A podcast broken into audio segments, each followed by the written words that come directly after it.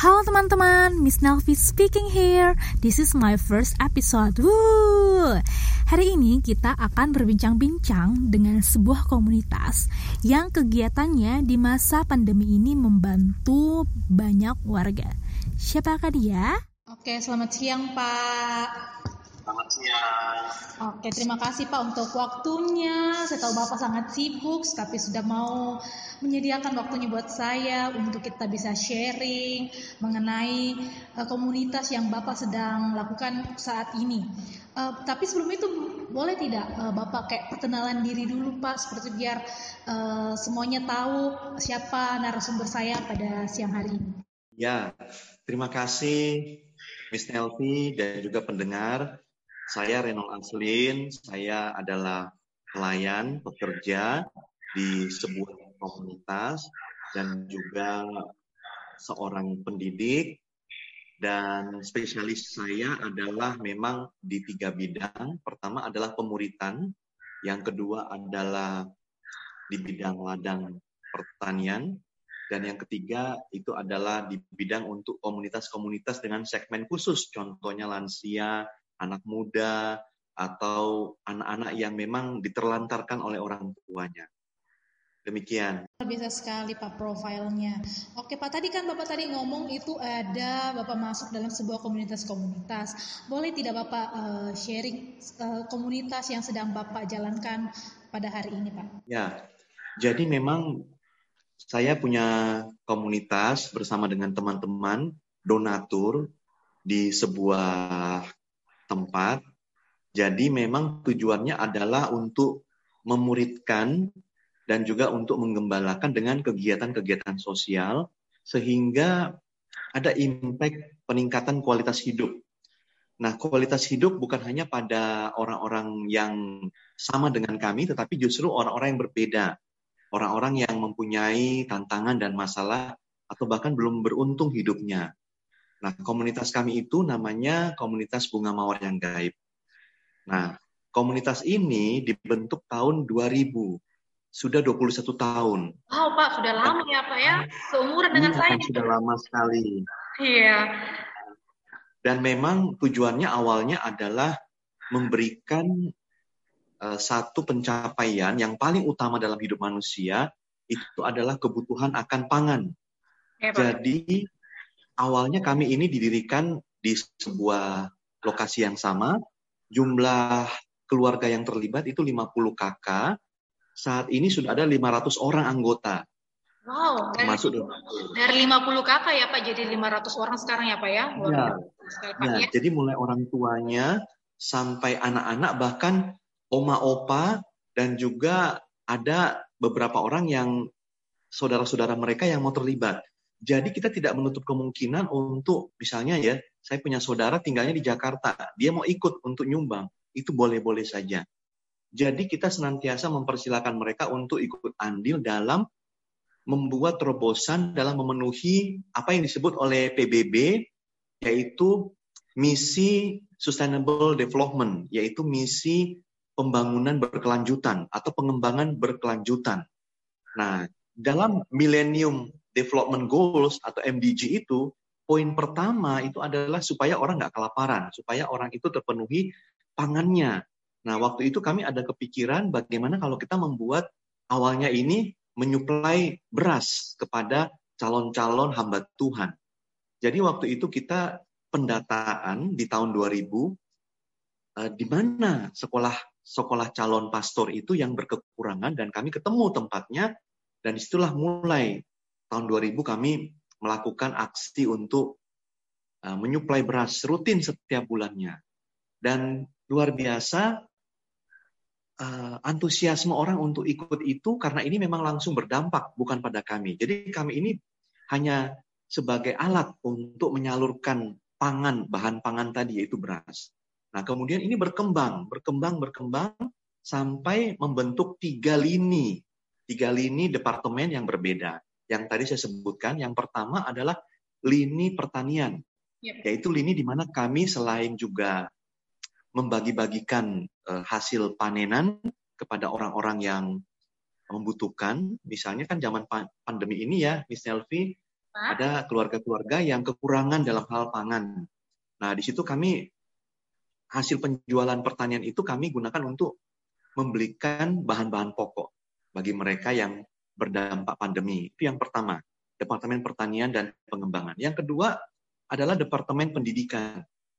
Nah, jadi hasil donasi itu dari orang tua, dari saudara-saudara mereka, dari kakak tadi ini, 50 kakak tadi ini, digunakan untuk membiayai anak-anak yang putus sekolah. Bahkan ada anak-anak yang orang tuanya sudah tiada, yatim piatu. Untuk saat ini, kita masih mempunyai enam jadi kita seleksi baik-baik ya, semua anak-anak itu kita ada enam anak-anak asuh dan itu levelnya mulai SD, SMP, SMA bahkan sampai perguruan tinggi. Pak itu gimana sih Pak caranya untuk menentu, menentukan seperti Bapak tadi ngomong kan ada yang mau kayak jadi orang tua asuh buat anak-anak yang putus sekolah yang tim piatu. Terus bagaimana caranya Pak menentukan kriteria warga yang berhak mendapatkan bantuan itu apalagi di masa pandemi kan semuanya orang kan pasti kesusahan pas seperti Bapak tadi ngomong masalah pangan, pendidikan. Apakah hanya e, kenalan dari komunitas itu atau kayak Bapak membuka kayak open donasi atau bagi siapa pun yang membutuhkan bantuan hubungi nomor ini nomor ini atau gimana Pak? Iya. Jadi di komunitas kami ini kita punya komitmen tiga poin.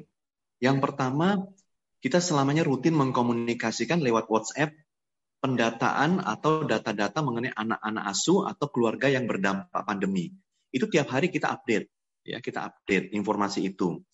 Nah, informasi yang kita peroleh itu bukan berasal dari kabar-kabar dari sebelah, tetapi kita mensurvei langsung ke tempat. Misalnya begini, ada satu anak didik kami itu dia tinggal di lorong, dia uh, menderita pandemi karena orang tuanya itu pengangguran, ya nggak punya kerjaan dan saudaranya itu jumlahnya 10 orang. Nah, jadi kita teliti apakah betul-betul bapak mamanya ini memang sedang uh, nganggur dan sedang sakit. Dan memang papanya punya penyakit yang berat yang mungkin kelihatannya tidak bisa bekerja lagi gitu ya. Nah, jadi kita kemudian mewawancarai dan kemudian mengirimkan data-data itu ke grup WhatsApp. Nah, dari situlah kita melihat respon, bagaimana respon daripada donatur. Ternyata respon mereka sangat antusias, mereka tertarik untuk membantu anak ini. Dan di situlah kami menghubungi kemudian atau memediasi sekolah tempat anak itu e, belajar untuk meminta nomor rekening. Ya, jadi kami langsung membayarkan satu tahun full uang sekolahnya bersama uang alatnya langsung. Oh nah, jadi nah, itu yang pertama. Jadi sistem pembayarannya itu langsung ke sekolahnya pak ya? Apakah tidak diberikan ya. kayak uang saku seperti itu pak buat mereka buat anak didik itu setiap harinya atau buat keluarganya seperti itu pak? Iya. Nah itu poin pertama dulu ya lewat WhatsApp lalu kita sounding ke donatur. Nah langkah kedua seperti yang Miss Nelvi katakan memang benar bahwa tiap bulan mereka kan sekarang sedang online itu membutuhkan biaya pulsa. Sekali, nah, di komunitas kami ini mensupport untuk itu setiap bulan. Dan memang ada angka yang disesuaikan dengan standar nasional untuk pembelajaran. Kalau standar nasional itu antara 50.000 sampai 100.000 per bulan untuk kuota. Nah, sehingga kami juga memohon ke donasi untuk mensuplai. Dan inilah luar biasanya Indonesia, tidak ada yang tidak pernah menolak untuk semakin giat menolong sesama, bukan hanya di masa pandemi, tapi di masa-masa normal pun antusiasme mereka itu sangat luar biasa. Nah, itu yang kedua. Yang ketiga, kita juga membantu bapaknya dalam hal menguruskan BPJS atau uh, kartu sehatnya. Jadi dia bisa berobat, berobat ke puskesmas yang selama ini terkendala karena proses administrasi, kita memediasi untuk membantu mereka supaya bapaknya ini kembali bisa sembuh dan bekerja. Jadi efek daripada program pendidikan itu juga berefek pada program kesehatan. Nah, jadi jadi saling ya. kampung menyambung ya Pak ya dari kayak pangan, Betul Terus dilihat dia di di keluarganya ada anaknya nggak sekolah atau karena kesulitan dalam biaya, biaya dibantu lagi. Ternyata orang tuanya sakit. Artinya mereka iya. programnya bapak saling berkaitan ya pak satu sama lain. Iya. Kita memang tidak bisa menolong semua orang, Miss Nelvi. Tetapi ketika kita uh, menyadari bahwa menolong satu orang itu akan berdampak pada kehidupan keluarga mereka ke depan. Karena mereka ini adalah generasi-generasi Indonesia selanjutnya yang akan menentukan ya langkah masa depan bangsa juga. Jadi kita mau mensupport itu tidak setengah-setengah. Jadi bermultiple efek, baik kesehatan maupun pendidikan di keluarga. Karena keluarga itu awal langkah daripada kesuksesan sebuah bangsa. Ya. Jadi tadi bantuan yang Bapak berikan, uh, bantuan yang komunitas ini berikan kepada warga itu yang tiga kegiatan tadi itu ya Pak ya? Iya. Nah yang ketiga saya lanjutkan yang tadi kan setelah kita WhatsApp sounding lalu kita uh, survei lalu setelah itu kita juga melihat apa penyebabnya kenapa terjadi uh, marginalitas ya di keluarga itu lalu kita berikan solusi dan kita punya tim untuk mengurus semua sistem baik itu kesehatan, pendidikan. Jadi memang link kita ini ke pemerintahan juga syukur itu sudah ada dan juga di puskesmas lokal itu juga ada. Nah, yang ketiga itu kita monitoring anak ini perkembangan pendidikannya seperti apa. Kita biasa menginterview gurunya atau kepala sekolahnya, wali kelasnya anak ini, bagaimana perkembangannya. Sehingga tidak cuma-cuma kita hanya membiayai lalu menutup mata, tetapi kita juga mengadakan konseling kepada anak ini supaya anak ini bisa lebih giat belajar misalnya. Misalnya kalau nilainya agak menurun, kita ajak dia ngobrol-ngobrol, kita tuntun dia, kita pandu dia, sehingga anak ini bergairah kembali untuk belajar. Jadi ada tiga, tiga hal di dalam dunia dunia pendidikan yang kemudian kita lakukan di komunitas ini. Hmm, ya Pak. Jadi uh, artinya organisasi komunitas ini betul-betul dia terorganisir ya Pak ya. Artinya bukan cuma kayak satu dua orang saja yang uh, membantu ataupun juga menolong, tetapi kayak ada yang mengkoordinir, meng, mengkoordinir seperti ada di bagian pembiayaan mungkin, ada bagian untuk kesehatan, pangan, seperti itu ya Pak ya. Dan waktu pandemi ini yang paling luar biasa adalah di warga sendiri, di komunitas sendiri itu ada keluarga-keluarga miskin ya. yang mengalami sakit COVID, ya. Dan waktu mereka mengalami COVID ini, kami punya tim untuk segera menyergap uh, karena bekerja sama dengan pemerintah, ya Peduli Lindungi, kita menyuplai oksigen, menyuplai sandang pangan, menyuplai kebutuhan sehari-hari selama dua minggu pada saat mereka isolasi mandiri.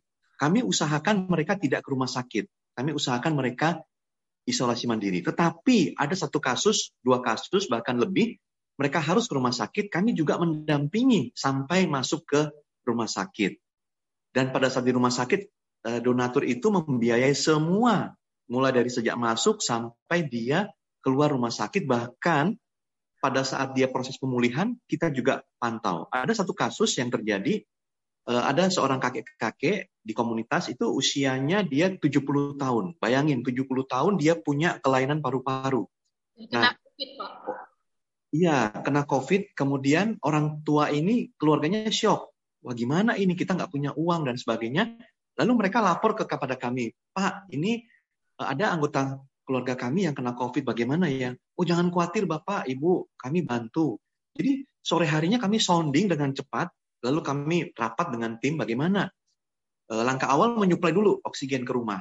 Nah, lalu kami persiapkan ambulans karena kondisinya sudah saturationnya ya, oksigen ke otak sudah sangat sangat drop.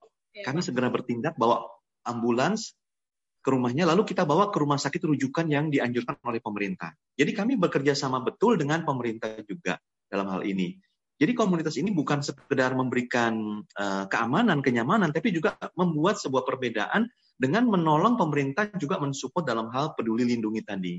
Nah, lalu setelah di rumah sakit kami bantu untuk mensuplai uh, mediasikan ya, karena mungkin dia nggak nggak mampu nih keluarga nggak punya kemampuan baik itu materi maupun secara mental kan misalnya kalau orang masuk rumah sakit itu kan shock ya kaget ya pasti ya apalagi zaman covid Nah, kita dampingi, kita dampingi sampai dia masuk dan setiap hari kita pantau melalui tim kesehatan kami di sana. Jadi kami menempatkan satu suster di situ kontak tolong suster nomor teleponnya berapa kami akan kontak suster bagaimana keadaan. Dan syukur kepada Tuhan ternyata selama dua minggu itu ada perubahan kesehatan ada perbaikan dan orang tua yang 70 tahun ini sembuh akhirnya. Luar biasa dan itu menjadi sebuah kesaksian yang sangat berdampak pada pada orang lain bahwa uh, bukan kami yang menolong, tetapi karena pertolongan Tuhan juga luar biasa dalam hidup kakek tadi. Wah luar biasa sekali Pak. Jadi jadi uh, jadi untuk uh, orang maksudnya seseorang yang kena COVID COVID pada kegiatan ini pada komunitas ini akan langsung ditangani oleh komunitas ini sampai dia betul-betul sembuh sehat kembali ya Pak ya. Dan tidak mengeluarkan sepeser pun dana untuk itu. Luar biasa Pak, apalagi sekarang betul-betul Pak sangat dibutuhkan ulur uluran tangan dari orang-orang untuk membantu sesamanya Pak. Apalagi kita kita kan nggak bisa mengharapkan sepenuhnya dari pemerintah karena kan pemerintah banyak menangani orang-orang lain. Jadi dengan komunitas ini betul-betul sangat membantu orang-orang yang membutuhkan. Uh, boleh nggak Pak diceritain lagi kembali uh, pengalaman yang paling berkesan selama membantu uh, masyarakat yang kesusahan selama masa pandemi pandemi ini selain yang tadi Bapak ceritakan mengenai kakek yang usianya 70 tahun kena COVID-19 ternyata dan setelah dimasukkan rumah sakit beliau menjadi sehat setelah dua minggu. Masih ada cerita yang menarik lagi nggak Pak? Ya, jadi memang kita selamanya dari pengalaman sehari-hari ketemu dengan kan kami bertemu dengan berbagai macam orang.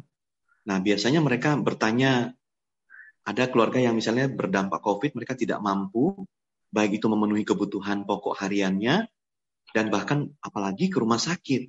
Nah, jadi semua kejadian yang kami jumpai di lapangan, dan syukur pada Tuhan karena donaturnya juga sudah siap untuk menolong, ada ketulusan hati, kerelaan hati, itu sangat berkesan bagi kami.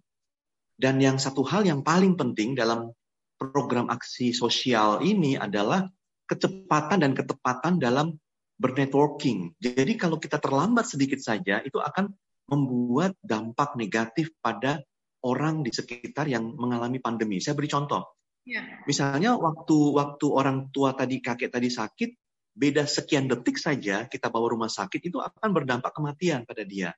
Nah, jadi memang kita sudah standby ambulans, standby tim dokter, standby uh, semua orang-orang yang di lapangan yang kita bisa hubungi. Saya beri contoh, ada satu keluarga lagi yang baru-baru panik karena mereka menyangka satu keluarga ini uh, kena COVID.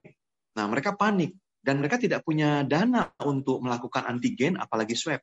Lalu mereka menghubungi kami, bagaimana nih Pak? Jangan-jangan kami ini COVID karena mereka batuk-batuk sampai keluar lendir ya. Nah, setelah itu kita katakan jangan khawatir Pak, kami kirim segera. Jadi pagi-paginya itu kami kirim tim antigen dan juga uh, tim untuk uh, tracing ya kan 3T ya tracing ya. nah ternyata kita ketawa setengah mati setelah mendapat kabar bahwa keluarga ini hanya flu biasa, batuk biasa, ya. Sampai-sampai mereka saking gitunya percaya pada komunitas ini bahwa, ayo Pak, tolong dong, kami butuh pertolongan. Jadi memang sudah ada uh, syukur pada Tuhan, ada semacam tanda lampu hijau pada komunitas kami bahwa ketika kami mengalami masalah, kami nggak usah khawatir, ada yang akan menolong kami. Nah, jadi setelah yang kecepatan, yang kedua ada jaminan sosial atau istilah kerennya itu uh, jaminan kesehatan, ya networking, social networking, yang bisa membuat mereka hidup lebih berkualitas. Nah itu dia. Nah ini ini arah arah arahnya ke sana. Walaupun saya sekali lagi, Miss Nelvi, para pendengar, tidak semua orang bisa kita bantu, tetapi kita mulai dari hal-hal yang sederhana sehingga berdampak kepada kualitas hidup orang sekitar kita. Jadi tadi it, satu keluarga itu betul-betul parno ya Pak, sudah berpikir dia kena COVID dan ternyata walaupun walaupun dari sikap dari keparnoan mereka ternyata dengan gesit komunitas ini bisa membantu orang-orang lain ya Pak ya. Lalu Pak, apakah pernah Pak, apakah pernah ada kasus di mana uh, orang yang berpura-pura menjadi kayak seperti apa ya berpura-pura menjadi orang yang tidak mampu sehingga dia meminta bantuan kepada bapak. Apakah pernah ada kasus seperti itu pak? Namanya manusia pasti juga butuh perhatian butuh pertolongan. Mungkin dia secara ekonomi dia mampu tetapi mungkin ada sesuatu yang terjadi dalam keluarganya. Eh, ada beberapa kasus memang ada orang-orang tua di komunitas kami yang kurang perhatian dari keluarga sehingga mereka mengontek kami pura-puranya mereka sakit gitu ya. Nah, jadi mereka seakan-akan butuh perhatian. Tetapi menurut saya itu juga namanya orang tua ya, orang tua usia 50, 60 butuh perhatian anak. Anak dari pagi sampai sore kerja ya, nggak ada perhatian sama orang tua. Jadi kami mengirimkan tim untuk menghibur nenek, opa, oma itu, kakek itu ya. Nah, jadi kami senantiasa berpikiran positif uh, tidak tidak tidak langsung bertindak uh, ah kamu mampu, kamu nggak perlu pertolongan. Mungkin saja dia mampu secara ekonomi, tetapi dia membutuhkan penghiburan atau teman. Jadi kami biasa mengirimkan teman anak-anak uh, yang memang sudah siap untuk menghibur mereka. Dan akhirnya mereka terkesan, wah ternyata komunitas ini tidak tidak merespon negatif ya. Mungkin kalau yang lain dicuekin gitu karena dipikirnya mampu. Nah, itu yang pertama. Yang kedua, memang juga ada yang mempalsukan data. Yang mempalsukan data Nah, ini juga sering kami jumpai. Misalnya kami biasa bertanya, Ibu tolong dong uh, rekening listriknya, rekening as, uh, airnya, kami boleh minta. Nah dari rekening itu biasa kita tahu berapa pembayaran airnya dan tipe rumahnya seperti apa. Lalu kami kirim tim untuk melihat bagaimana kondisi rumahnya. Dan biasanya mereka memberikan alamat palsu. Tim kami syukur karena kami punya tim yang solid yang memang bisa memantau dari itu tadi link link ke pemerintah apakah betul orang ini nomor kakak sekian itu tinggal di sini? Ternyata dia memalsukan. Dan memang ketahuan bahwa dia tidak tinggal di situ. Setelah kita kirim tim, ternyata rumahnya itu besar, mewah, dan bahkan eh, bagus. Ternyata ada memang eh, pemalsuan data. Nah, ternyata orang ini butuh perhatian dalam hal suplai obat-obatan setiap bulan karena dia banyak bayar hutang untuk kartu kredit ya. Itu dia. Nah banyak hal-hal seperti itu tetapi syukur selamanya itu tadi networking sangat baik ke ke level-level yang kami perlukan di dunia kesehatan pemerintahan sehingga semuanya dapat diatasi dengan baik. Wah, artinya komunitas ini sangat komplit Pak sampai mem memiliki uh, networking ke pemerintah, ke dokter-dokter, ke rumah sakit Tadi saya, Pak tadi saya tertarik dengan oma opa yang merasa kesepian Pak. Artinya bagaimana tuh Pak cara menghibur menghibur mereka Pak dengan menggunakan anak-anak muda untuk menghibur mereka apakah mereka dibawa pergi jalan-jalan kah atau mereka mungkin diajak bermain bersama? Ya. Jadi kan kita punya tiga departemen ya, Miss Nelvi. Tadi departemen eh, pertama pertanian, kedua pendidikan, yang ketiga itu adalah spesial untuk komunitas spesifik. Nah, jadi di ya? komunitas spesifik, ya komunitas spesifik ini termasuk uh, ya kita istilahnya jangan lansia dong, tapi golden age, ya, ya usia emas, ya. Jadi nggak boleh sebut lansia ya, nggak boleh. Jadi golden age, usia emas ya, yaitu lewat 50 tahun. Nah, ini kami didik, misalnya gini, ada oma-oma itu mereka pintar bikin pisang goreng. Nah, ya. mungkin Miss Nelvi sudah pernah makan pisang gorengnya ya. Dulu pernah kami berikan. Ya, jalan kote, jalan kote atau kue bolu apa gitu ya. Mereka punya resep-resep yang dulunya mereka punya tapi mereka nggak nggak punya dana untuk bikin. Nah, kami suplai semua bahan-bahan lalu kami bantu jualkan, jualkan di sebuah komunitas pangan. Dan itu sebelum jam 10 pagi sudah habis biasanya. Nah, jadi hidup mereka itu berarti sekali. Nah, saat ini ada lima uh, golden age, lima orang tua yang uh, rutin hampir tiap hari mensuplai. Ada nasi kuning, ada jalan kote, ada roti, ada pisang goreng. Ya, jadi mereka mempunyai hidup yang berarti. Nah mungkin mereka kesepian karena mereka tidak diberikan kegiatan. Nah sehingga kita latih bagaimana bikin pisang goreng enak. Kita ajar lagi resep-resep. Mungkin resep mereka bagus, tapi perlu diajar bumbu-bumbu yang kekinian gitu ya. Nah, jadi kita didik mereka hidupnya berarti Miss Nelvi. Dan syukur kepada Tuhan, mereka kemudian tidak lagi kesepian. Bahkan anaknya kaget, kok sekarang mama papa saya udah bisa menghasilkan uh, dana ya untuk untuk sehari-hari. Luar biasa. Luar biasa. Luar biasa sekali Pak. Apalagi di Golden Age memang butuh sekali perhatian dan kegiatan ya Pak ya. Tadi Pak boleh nggak diulang lagi Pak nama dari komunitas yang Bapak bentuk ini? Iya, jadi uh, bukan saya yang membentuk, tetapi iya. teman-teman semua rekan sekerja kami, ya namanya bunga mawar yang gaib. Ya, Pak, kenapa harus memakai kata gaib? Soalnya kan kalau kita yang orang biasa ngomong kalau gaib itu kayak lebih ke arah mistis pak. Iya pak. Bahkan pas pas bapak ngomong bunga mawar yang gaib pas gaib. Karena di, di benak saya gaib itu lebih ke arah mistis yang horor seperti itu pak. Boleh nggak pak dijelaskan? Iya. jadi kata ya kata ini awalnya itu adalah ada uh, ada kejadian ada kejadian di komunitas kami sebelum komunitas kami ini dinamakan Bunga Mawar yang Gaib, itu istri saya dan saya itu dikasih mimpi. Oh ya Pak ya. Ya, jadi waktu itu malam-malam jam-jam 3 pagi itu kami dikasih mimpi didatangi oleh ibunya Tuhan Yesus, yaitu Bunda Maria. Nah, lalu Bunda Maria itu kita lihat wajahnya bercahaya dan dia menghamburkan bunga mawar di sekeliling selama dia berjalan. Jadi kita itu tidak berani tengok wajahnya, hanya kita mencium aroma bunga mawar dan ada terang yang bercahaya begitu luar biasa. Kami bersujud di mimpi itu dan dia jalan di tengah-tengah kami, lalu bunga mawar itu merah, ya merah dan dia berterbangan, kayaknya gaib gitu ya, gaib gitu ya. Nah, setelah tiga hari kemudian, anggota kami yang lain itu diberi mimpi yang sama. Mimpi yang sama juga, ya, Mimpi yang sama juga. Nah, akhirnya kami memutuskan merundingkan, waduh, ini semacam tanda bahwa eh, karena pesannya ibunya Tuhan Yesus Maria atau Maryam ini adalah orang-orang harus saling mengasihi. Dan salah satu pesannya di di sana ditertulis dalam dalam ke, keyakinan kami bahwa jadilah kehendakmu ya, jadilah kehendakmu dalam hidupnya dia, hidup eh, Bunda Maria ini. Jadi kita ber, berpikir apa kehendak Tuhan? Kehendak Tuhan salah satunya saling mengasihi. Nah, sejak saat itu kami sepakat untuk memberi nama bunga mawar yang gaib. Dan memang betul kalau di tracking di internet, nama bunga mawar yang gaib itu istilahnya Rosa Mystica. Rosa Mystica itu adalah nama lain dari Bunda Tuhan Yesus, yaitu Maria. Bunga mawar gaib ini identik dengan Bunda Maria ya Pak ya?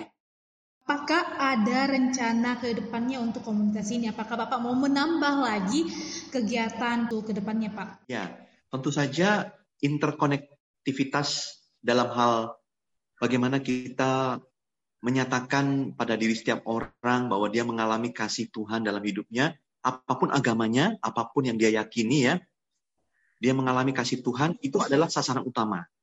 Jadi kita tidak akan menambah program-program, kita akan fokus pada program ini, tetapi interkonektivitas kepada komunitas yang lain itu yang akan kita tingkatkan. Saya beri contoh tadi, Ya. Kita bekerja sama dengan yayasan-yayasan yang tadi ada yayasan yang membidangi spesialis untuk penderita sakit jiwa karena kita tahu orang-orang yang terpinggirkan, orang-orang yang tidak diterima oleh keluarganya itu harus hidupnya berarti.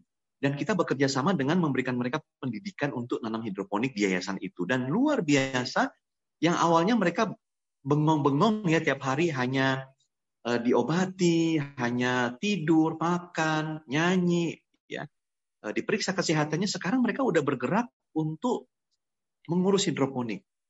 Bahkan bisa memenuhi kebutuhan mereka sendiri. Nah inilah yang dimaksud dengan interkonektivitas atau collaboration, kolaborasi. Jadi kita nggak usah muluk-muluk punya program-program yang sampai berdampak kepada orang banyak, ya bahkan jutaan orang nggak perlu. Kita memerlukan orang-orang yang setia, orang-orang yang mungkin kita nggak bisa tolong semua orang, tetapi bisa orang-orang itu yang ditolong itu bisa mengalami kasih Tuhan dan kemudian berkata, hidup saya berarti. Hidup saya ini sungguh-sungguh dipakai Tuhan. Jadi selain interkonektivitas kolaborasi, kita juga mau meraih generasi-generasi muda agar rajin, tekun, jangan putus asa. Mengingat masih banyak orang ya Miss Nelvi, entah itu golden age, orang-orang tadi yang penderita jiwa, yang hidupnya kasihan sekali di mata masyarakat tetapi mereka juga mau bangkit dan berusaha. Apalagi anak muda yang masih sehat ya, masih segar ya. Ayo kita bangkit, kita hidupkan semangat untuk berwirausaha, untuk bukan hanya mencari keuntungan sebesar-besarnya, tetapi menyalurkan keuntungan yang Tuhan berikan untuk kebaikan sesama. Demikian Miss Nelvi. Oke, jadi sukses itu bukan hanya tentang masalah uang ya Pak ya, tapi memberikan diri kita untuk menolong orang-orang lain ya Pak ya. Oke Pak, terima kasih banyak Pak atas waktunya sudah sharing tadi tentang komunitas bunga mawar yang gaib. Ini ini komunitas yang baru saya tahu dan baru saya kenal Pak dan terima kasih Pak sudah ya. menginfokan kepada kami. Satu lagi Miss Nelvi, kami ini adalah kon, uh, apa komunitas yang hanya mengandalkan WhatsApp, jadi nggak ada di Instagram. Kenapa Pak? Kami tidak pernah potret-potret, nggak oh. pernah potret-potret lalu mensonding bahwa ini kegiatan kami kami punya prinsip bahwa biarlah Tuhan yang tahu semua kegiatan ini dan itu networking underground, jadi di bawah tanah. Yeah. Kami tidak mau uh, memperlihatkan kebaikan-kebaikan ini untuk diposting untuk hanya hanya euforia ya, tetapi ya itulah uniknya komunitas ini mereka lebih senang lewat WhatsApp. Jadi nyebarnya itu lewat WhatsApp. Artinya ini semua timnya pemain undergroundnya Pak ya? Tidak tampak Pak, tidak tampak ke permukaan Pak. Iya, terima kasih Miss Nelvi. Terima kasih Pak ya. Semoga Bapak... Ya, Tuhan berkati Miss Nelvi. Pak, semoga Bapak semakin sehat dan komunitas Bunga Mawar yang gaib semakin sukses Pak dan bisa membantu. Amin, terima kasih. Terima kasih Pak. Terima kasih doanya. Iya, selamat pagi. Terima kasih teman-teman, tetap setia bersama Miss Nelvi. Sampai ketemu di episode selanjutnya. See ya!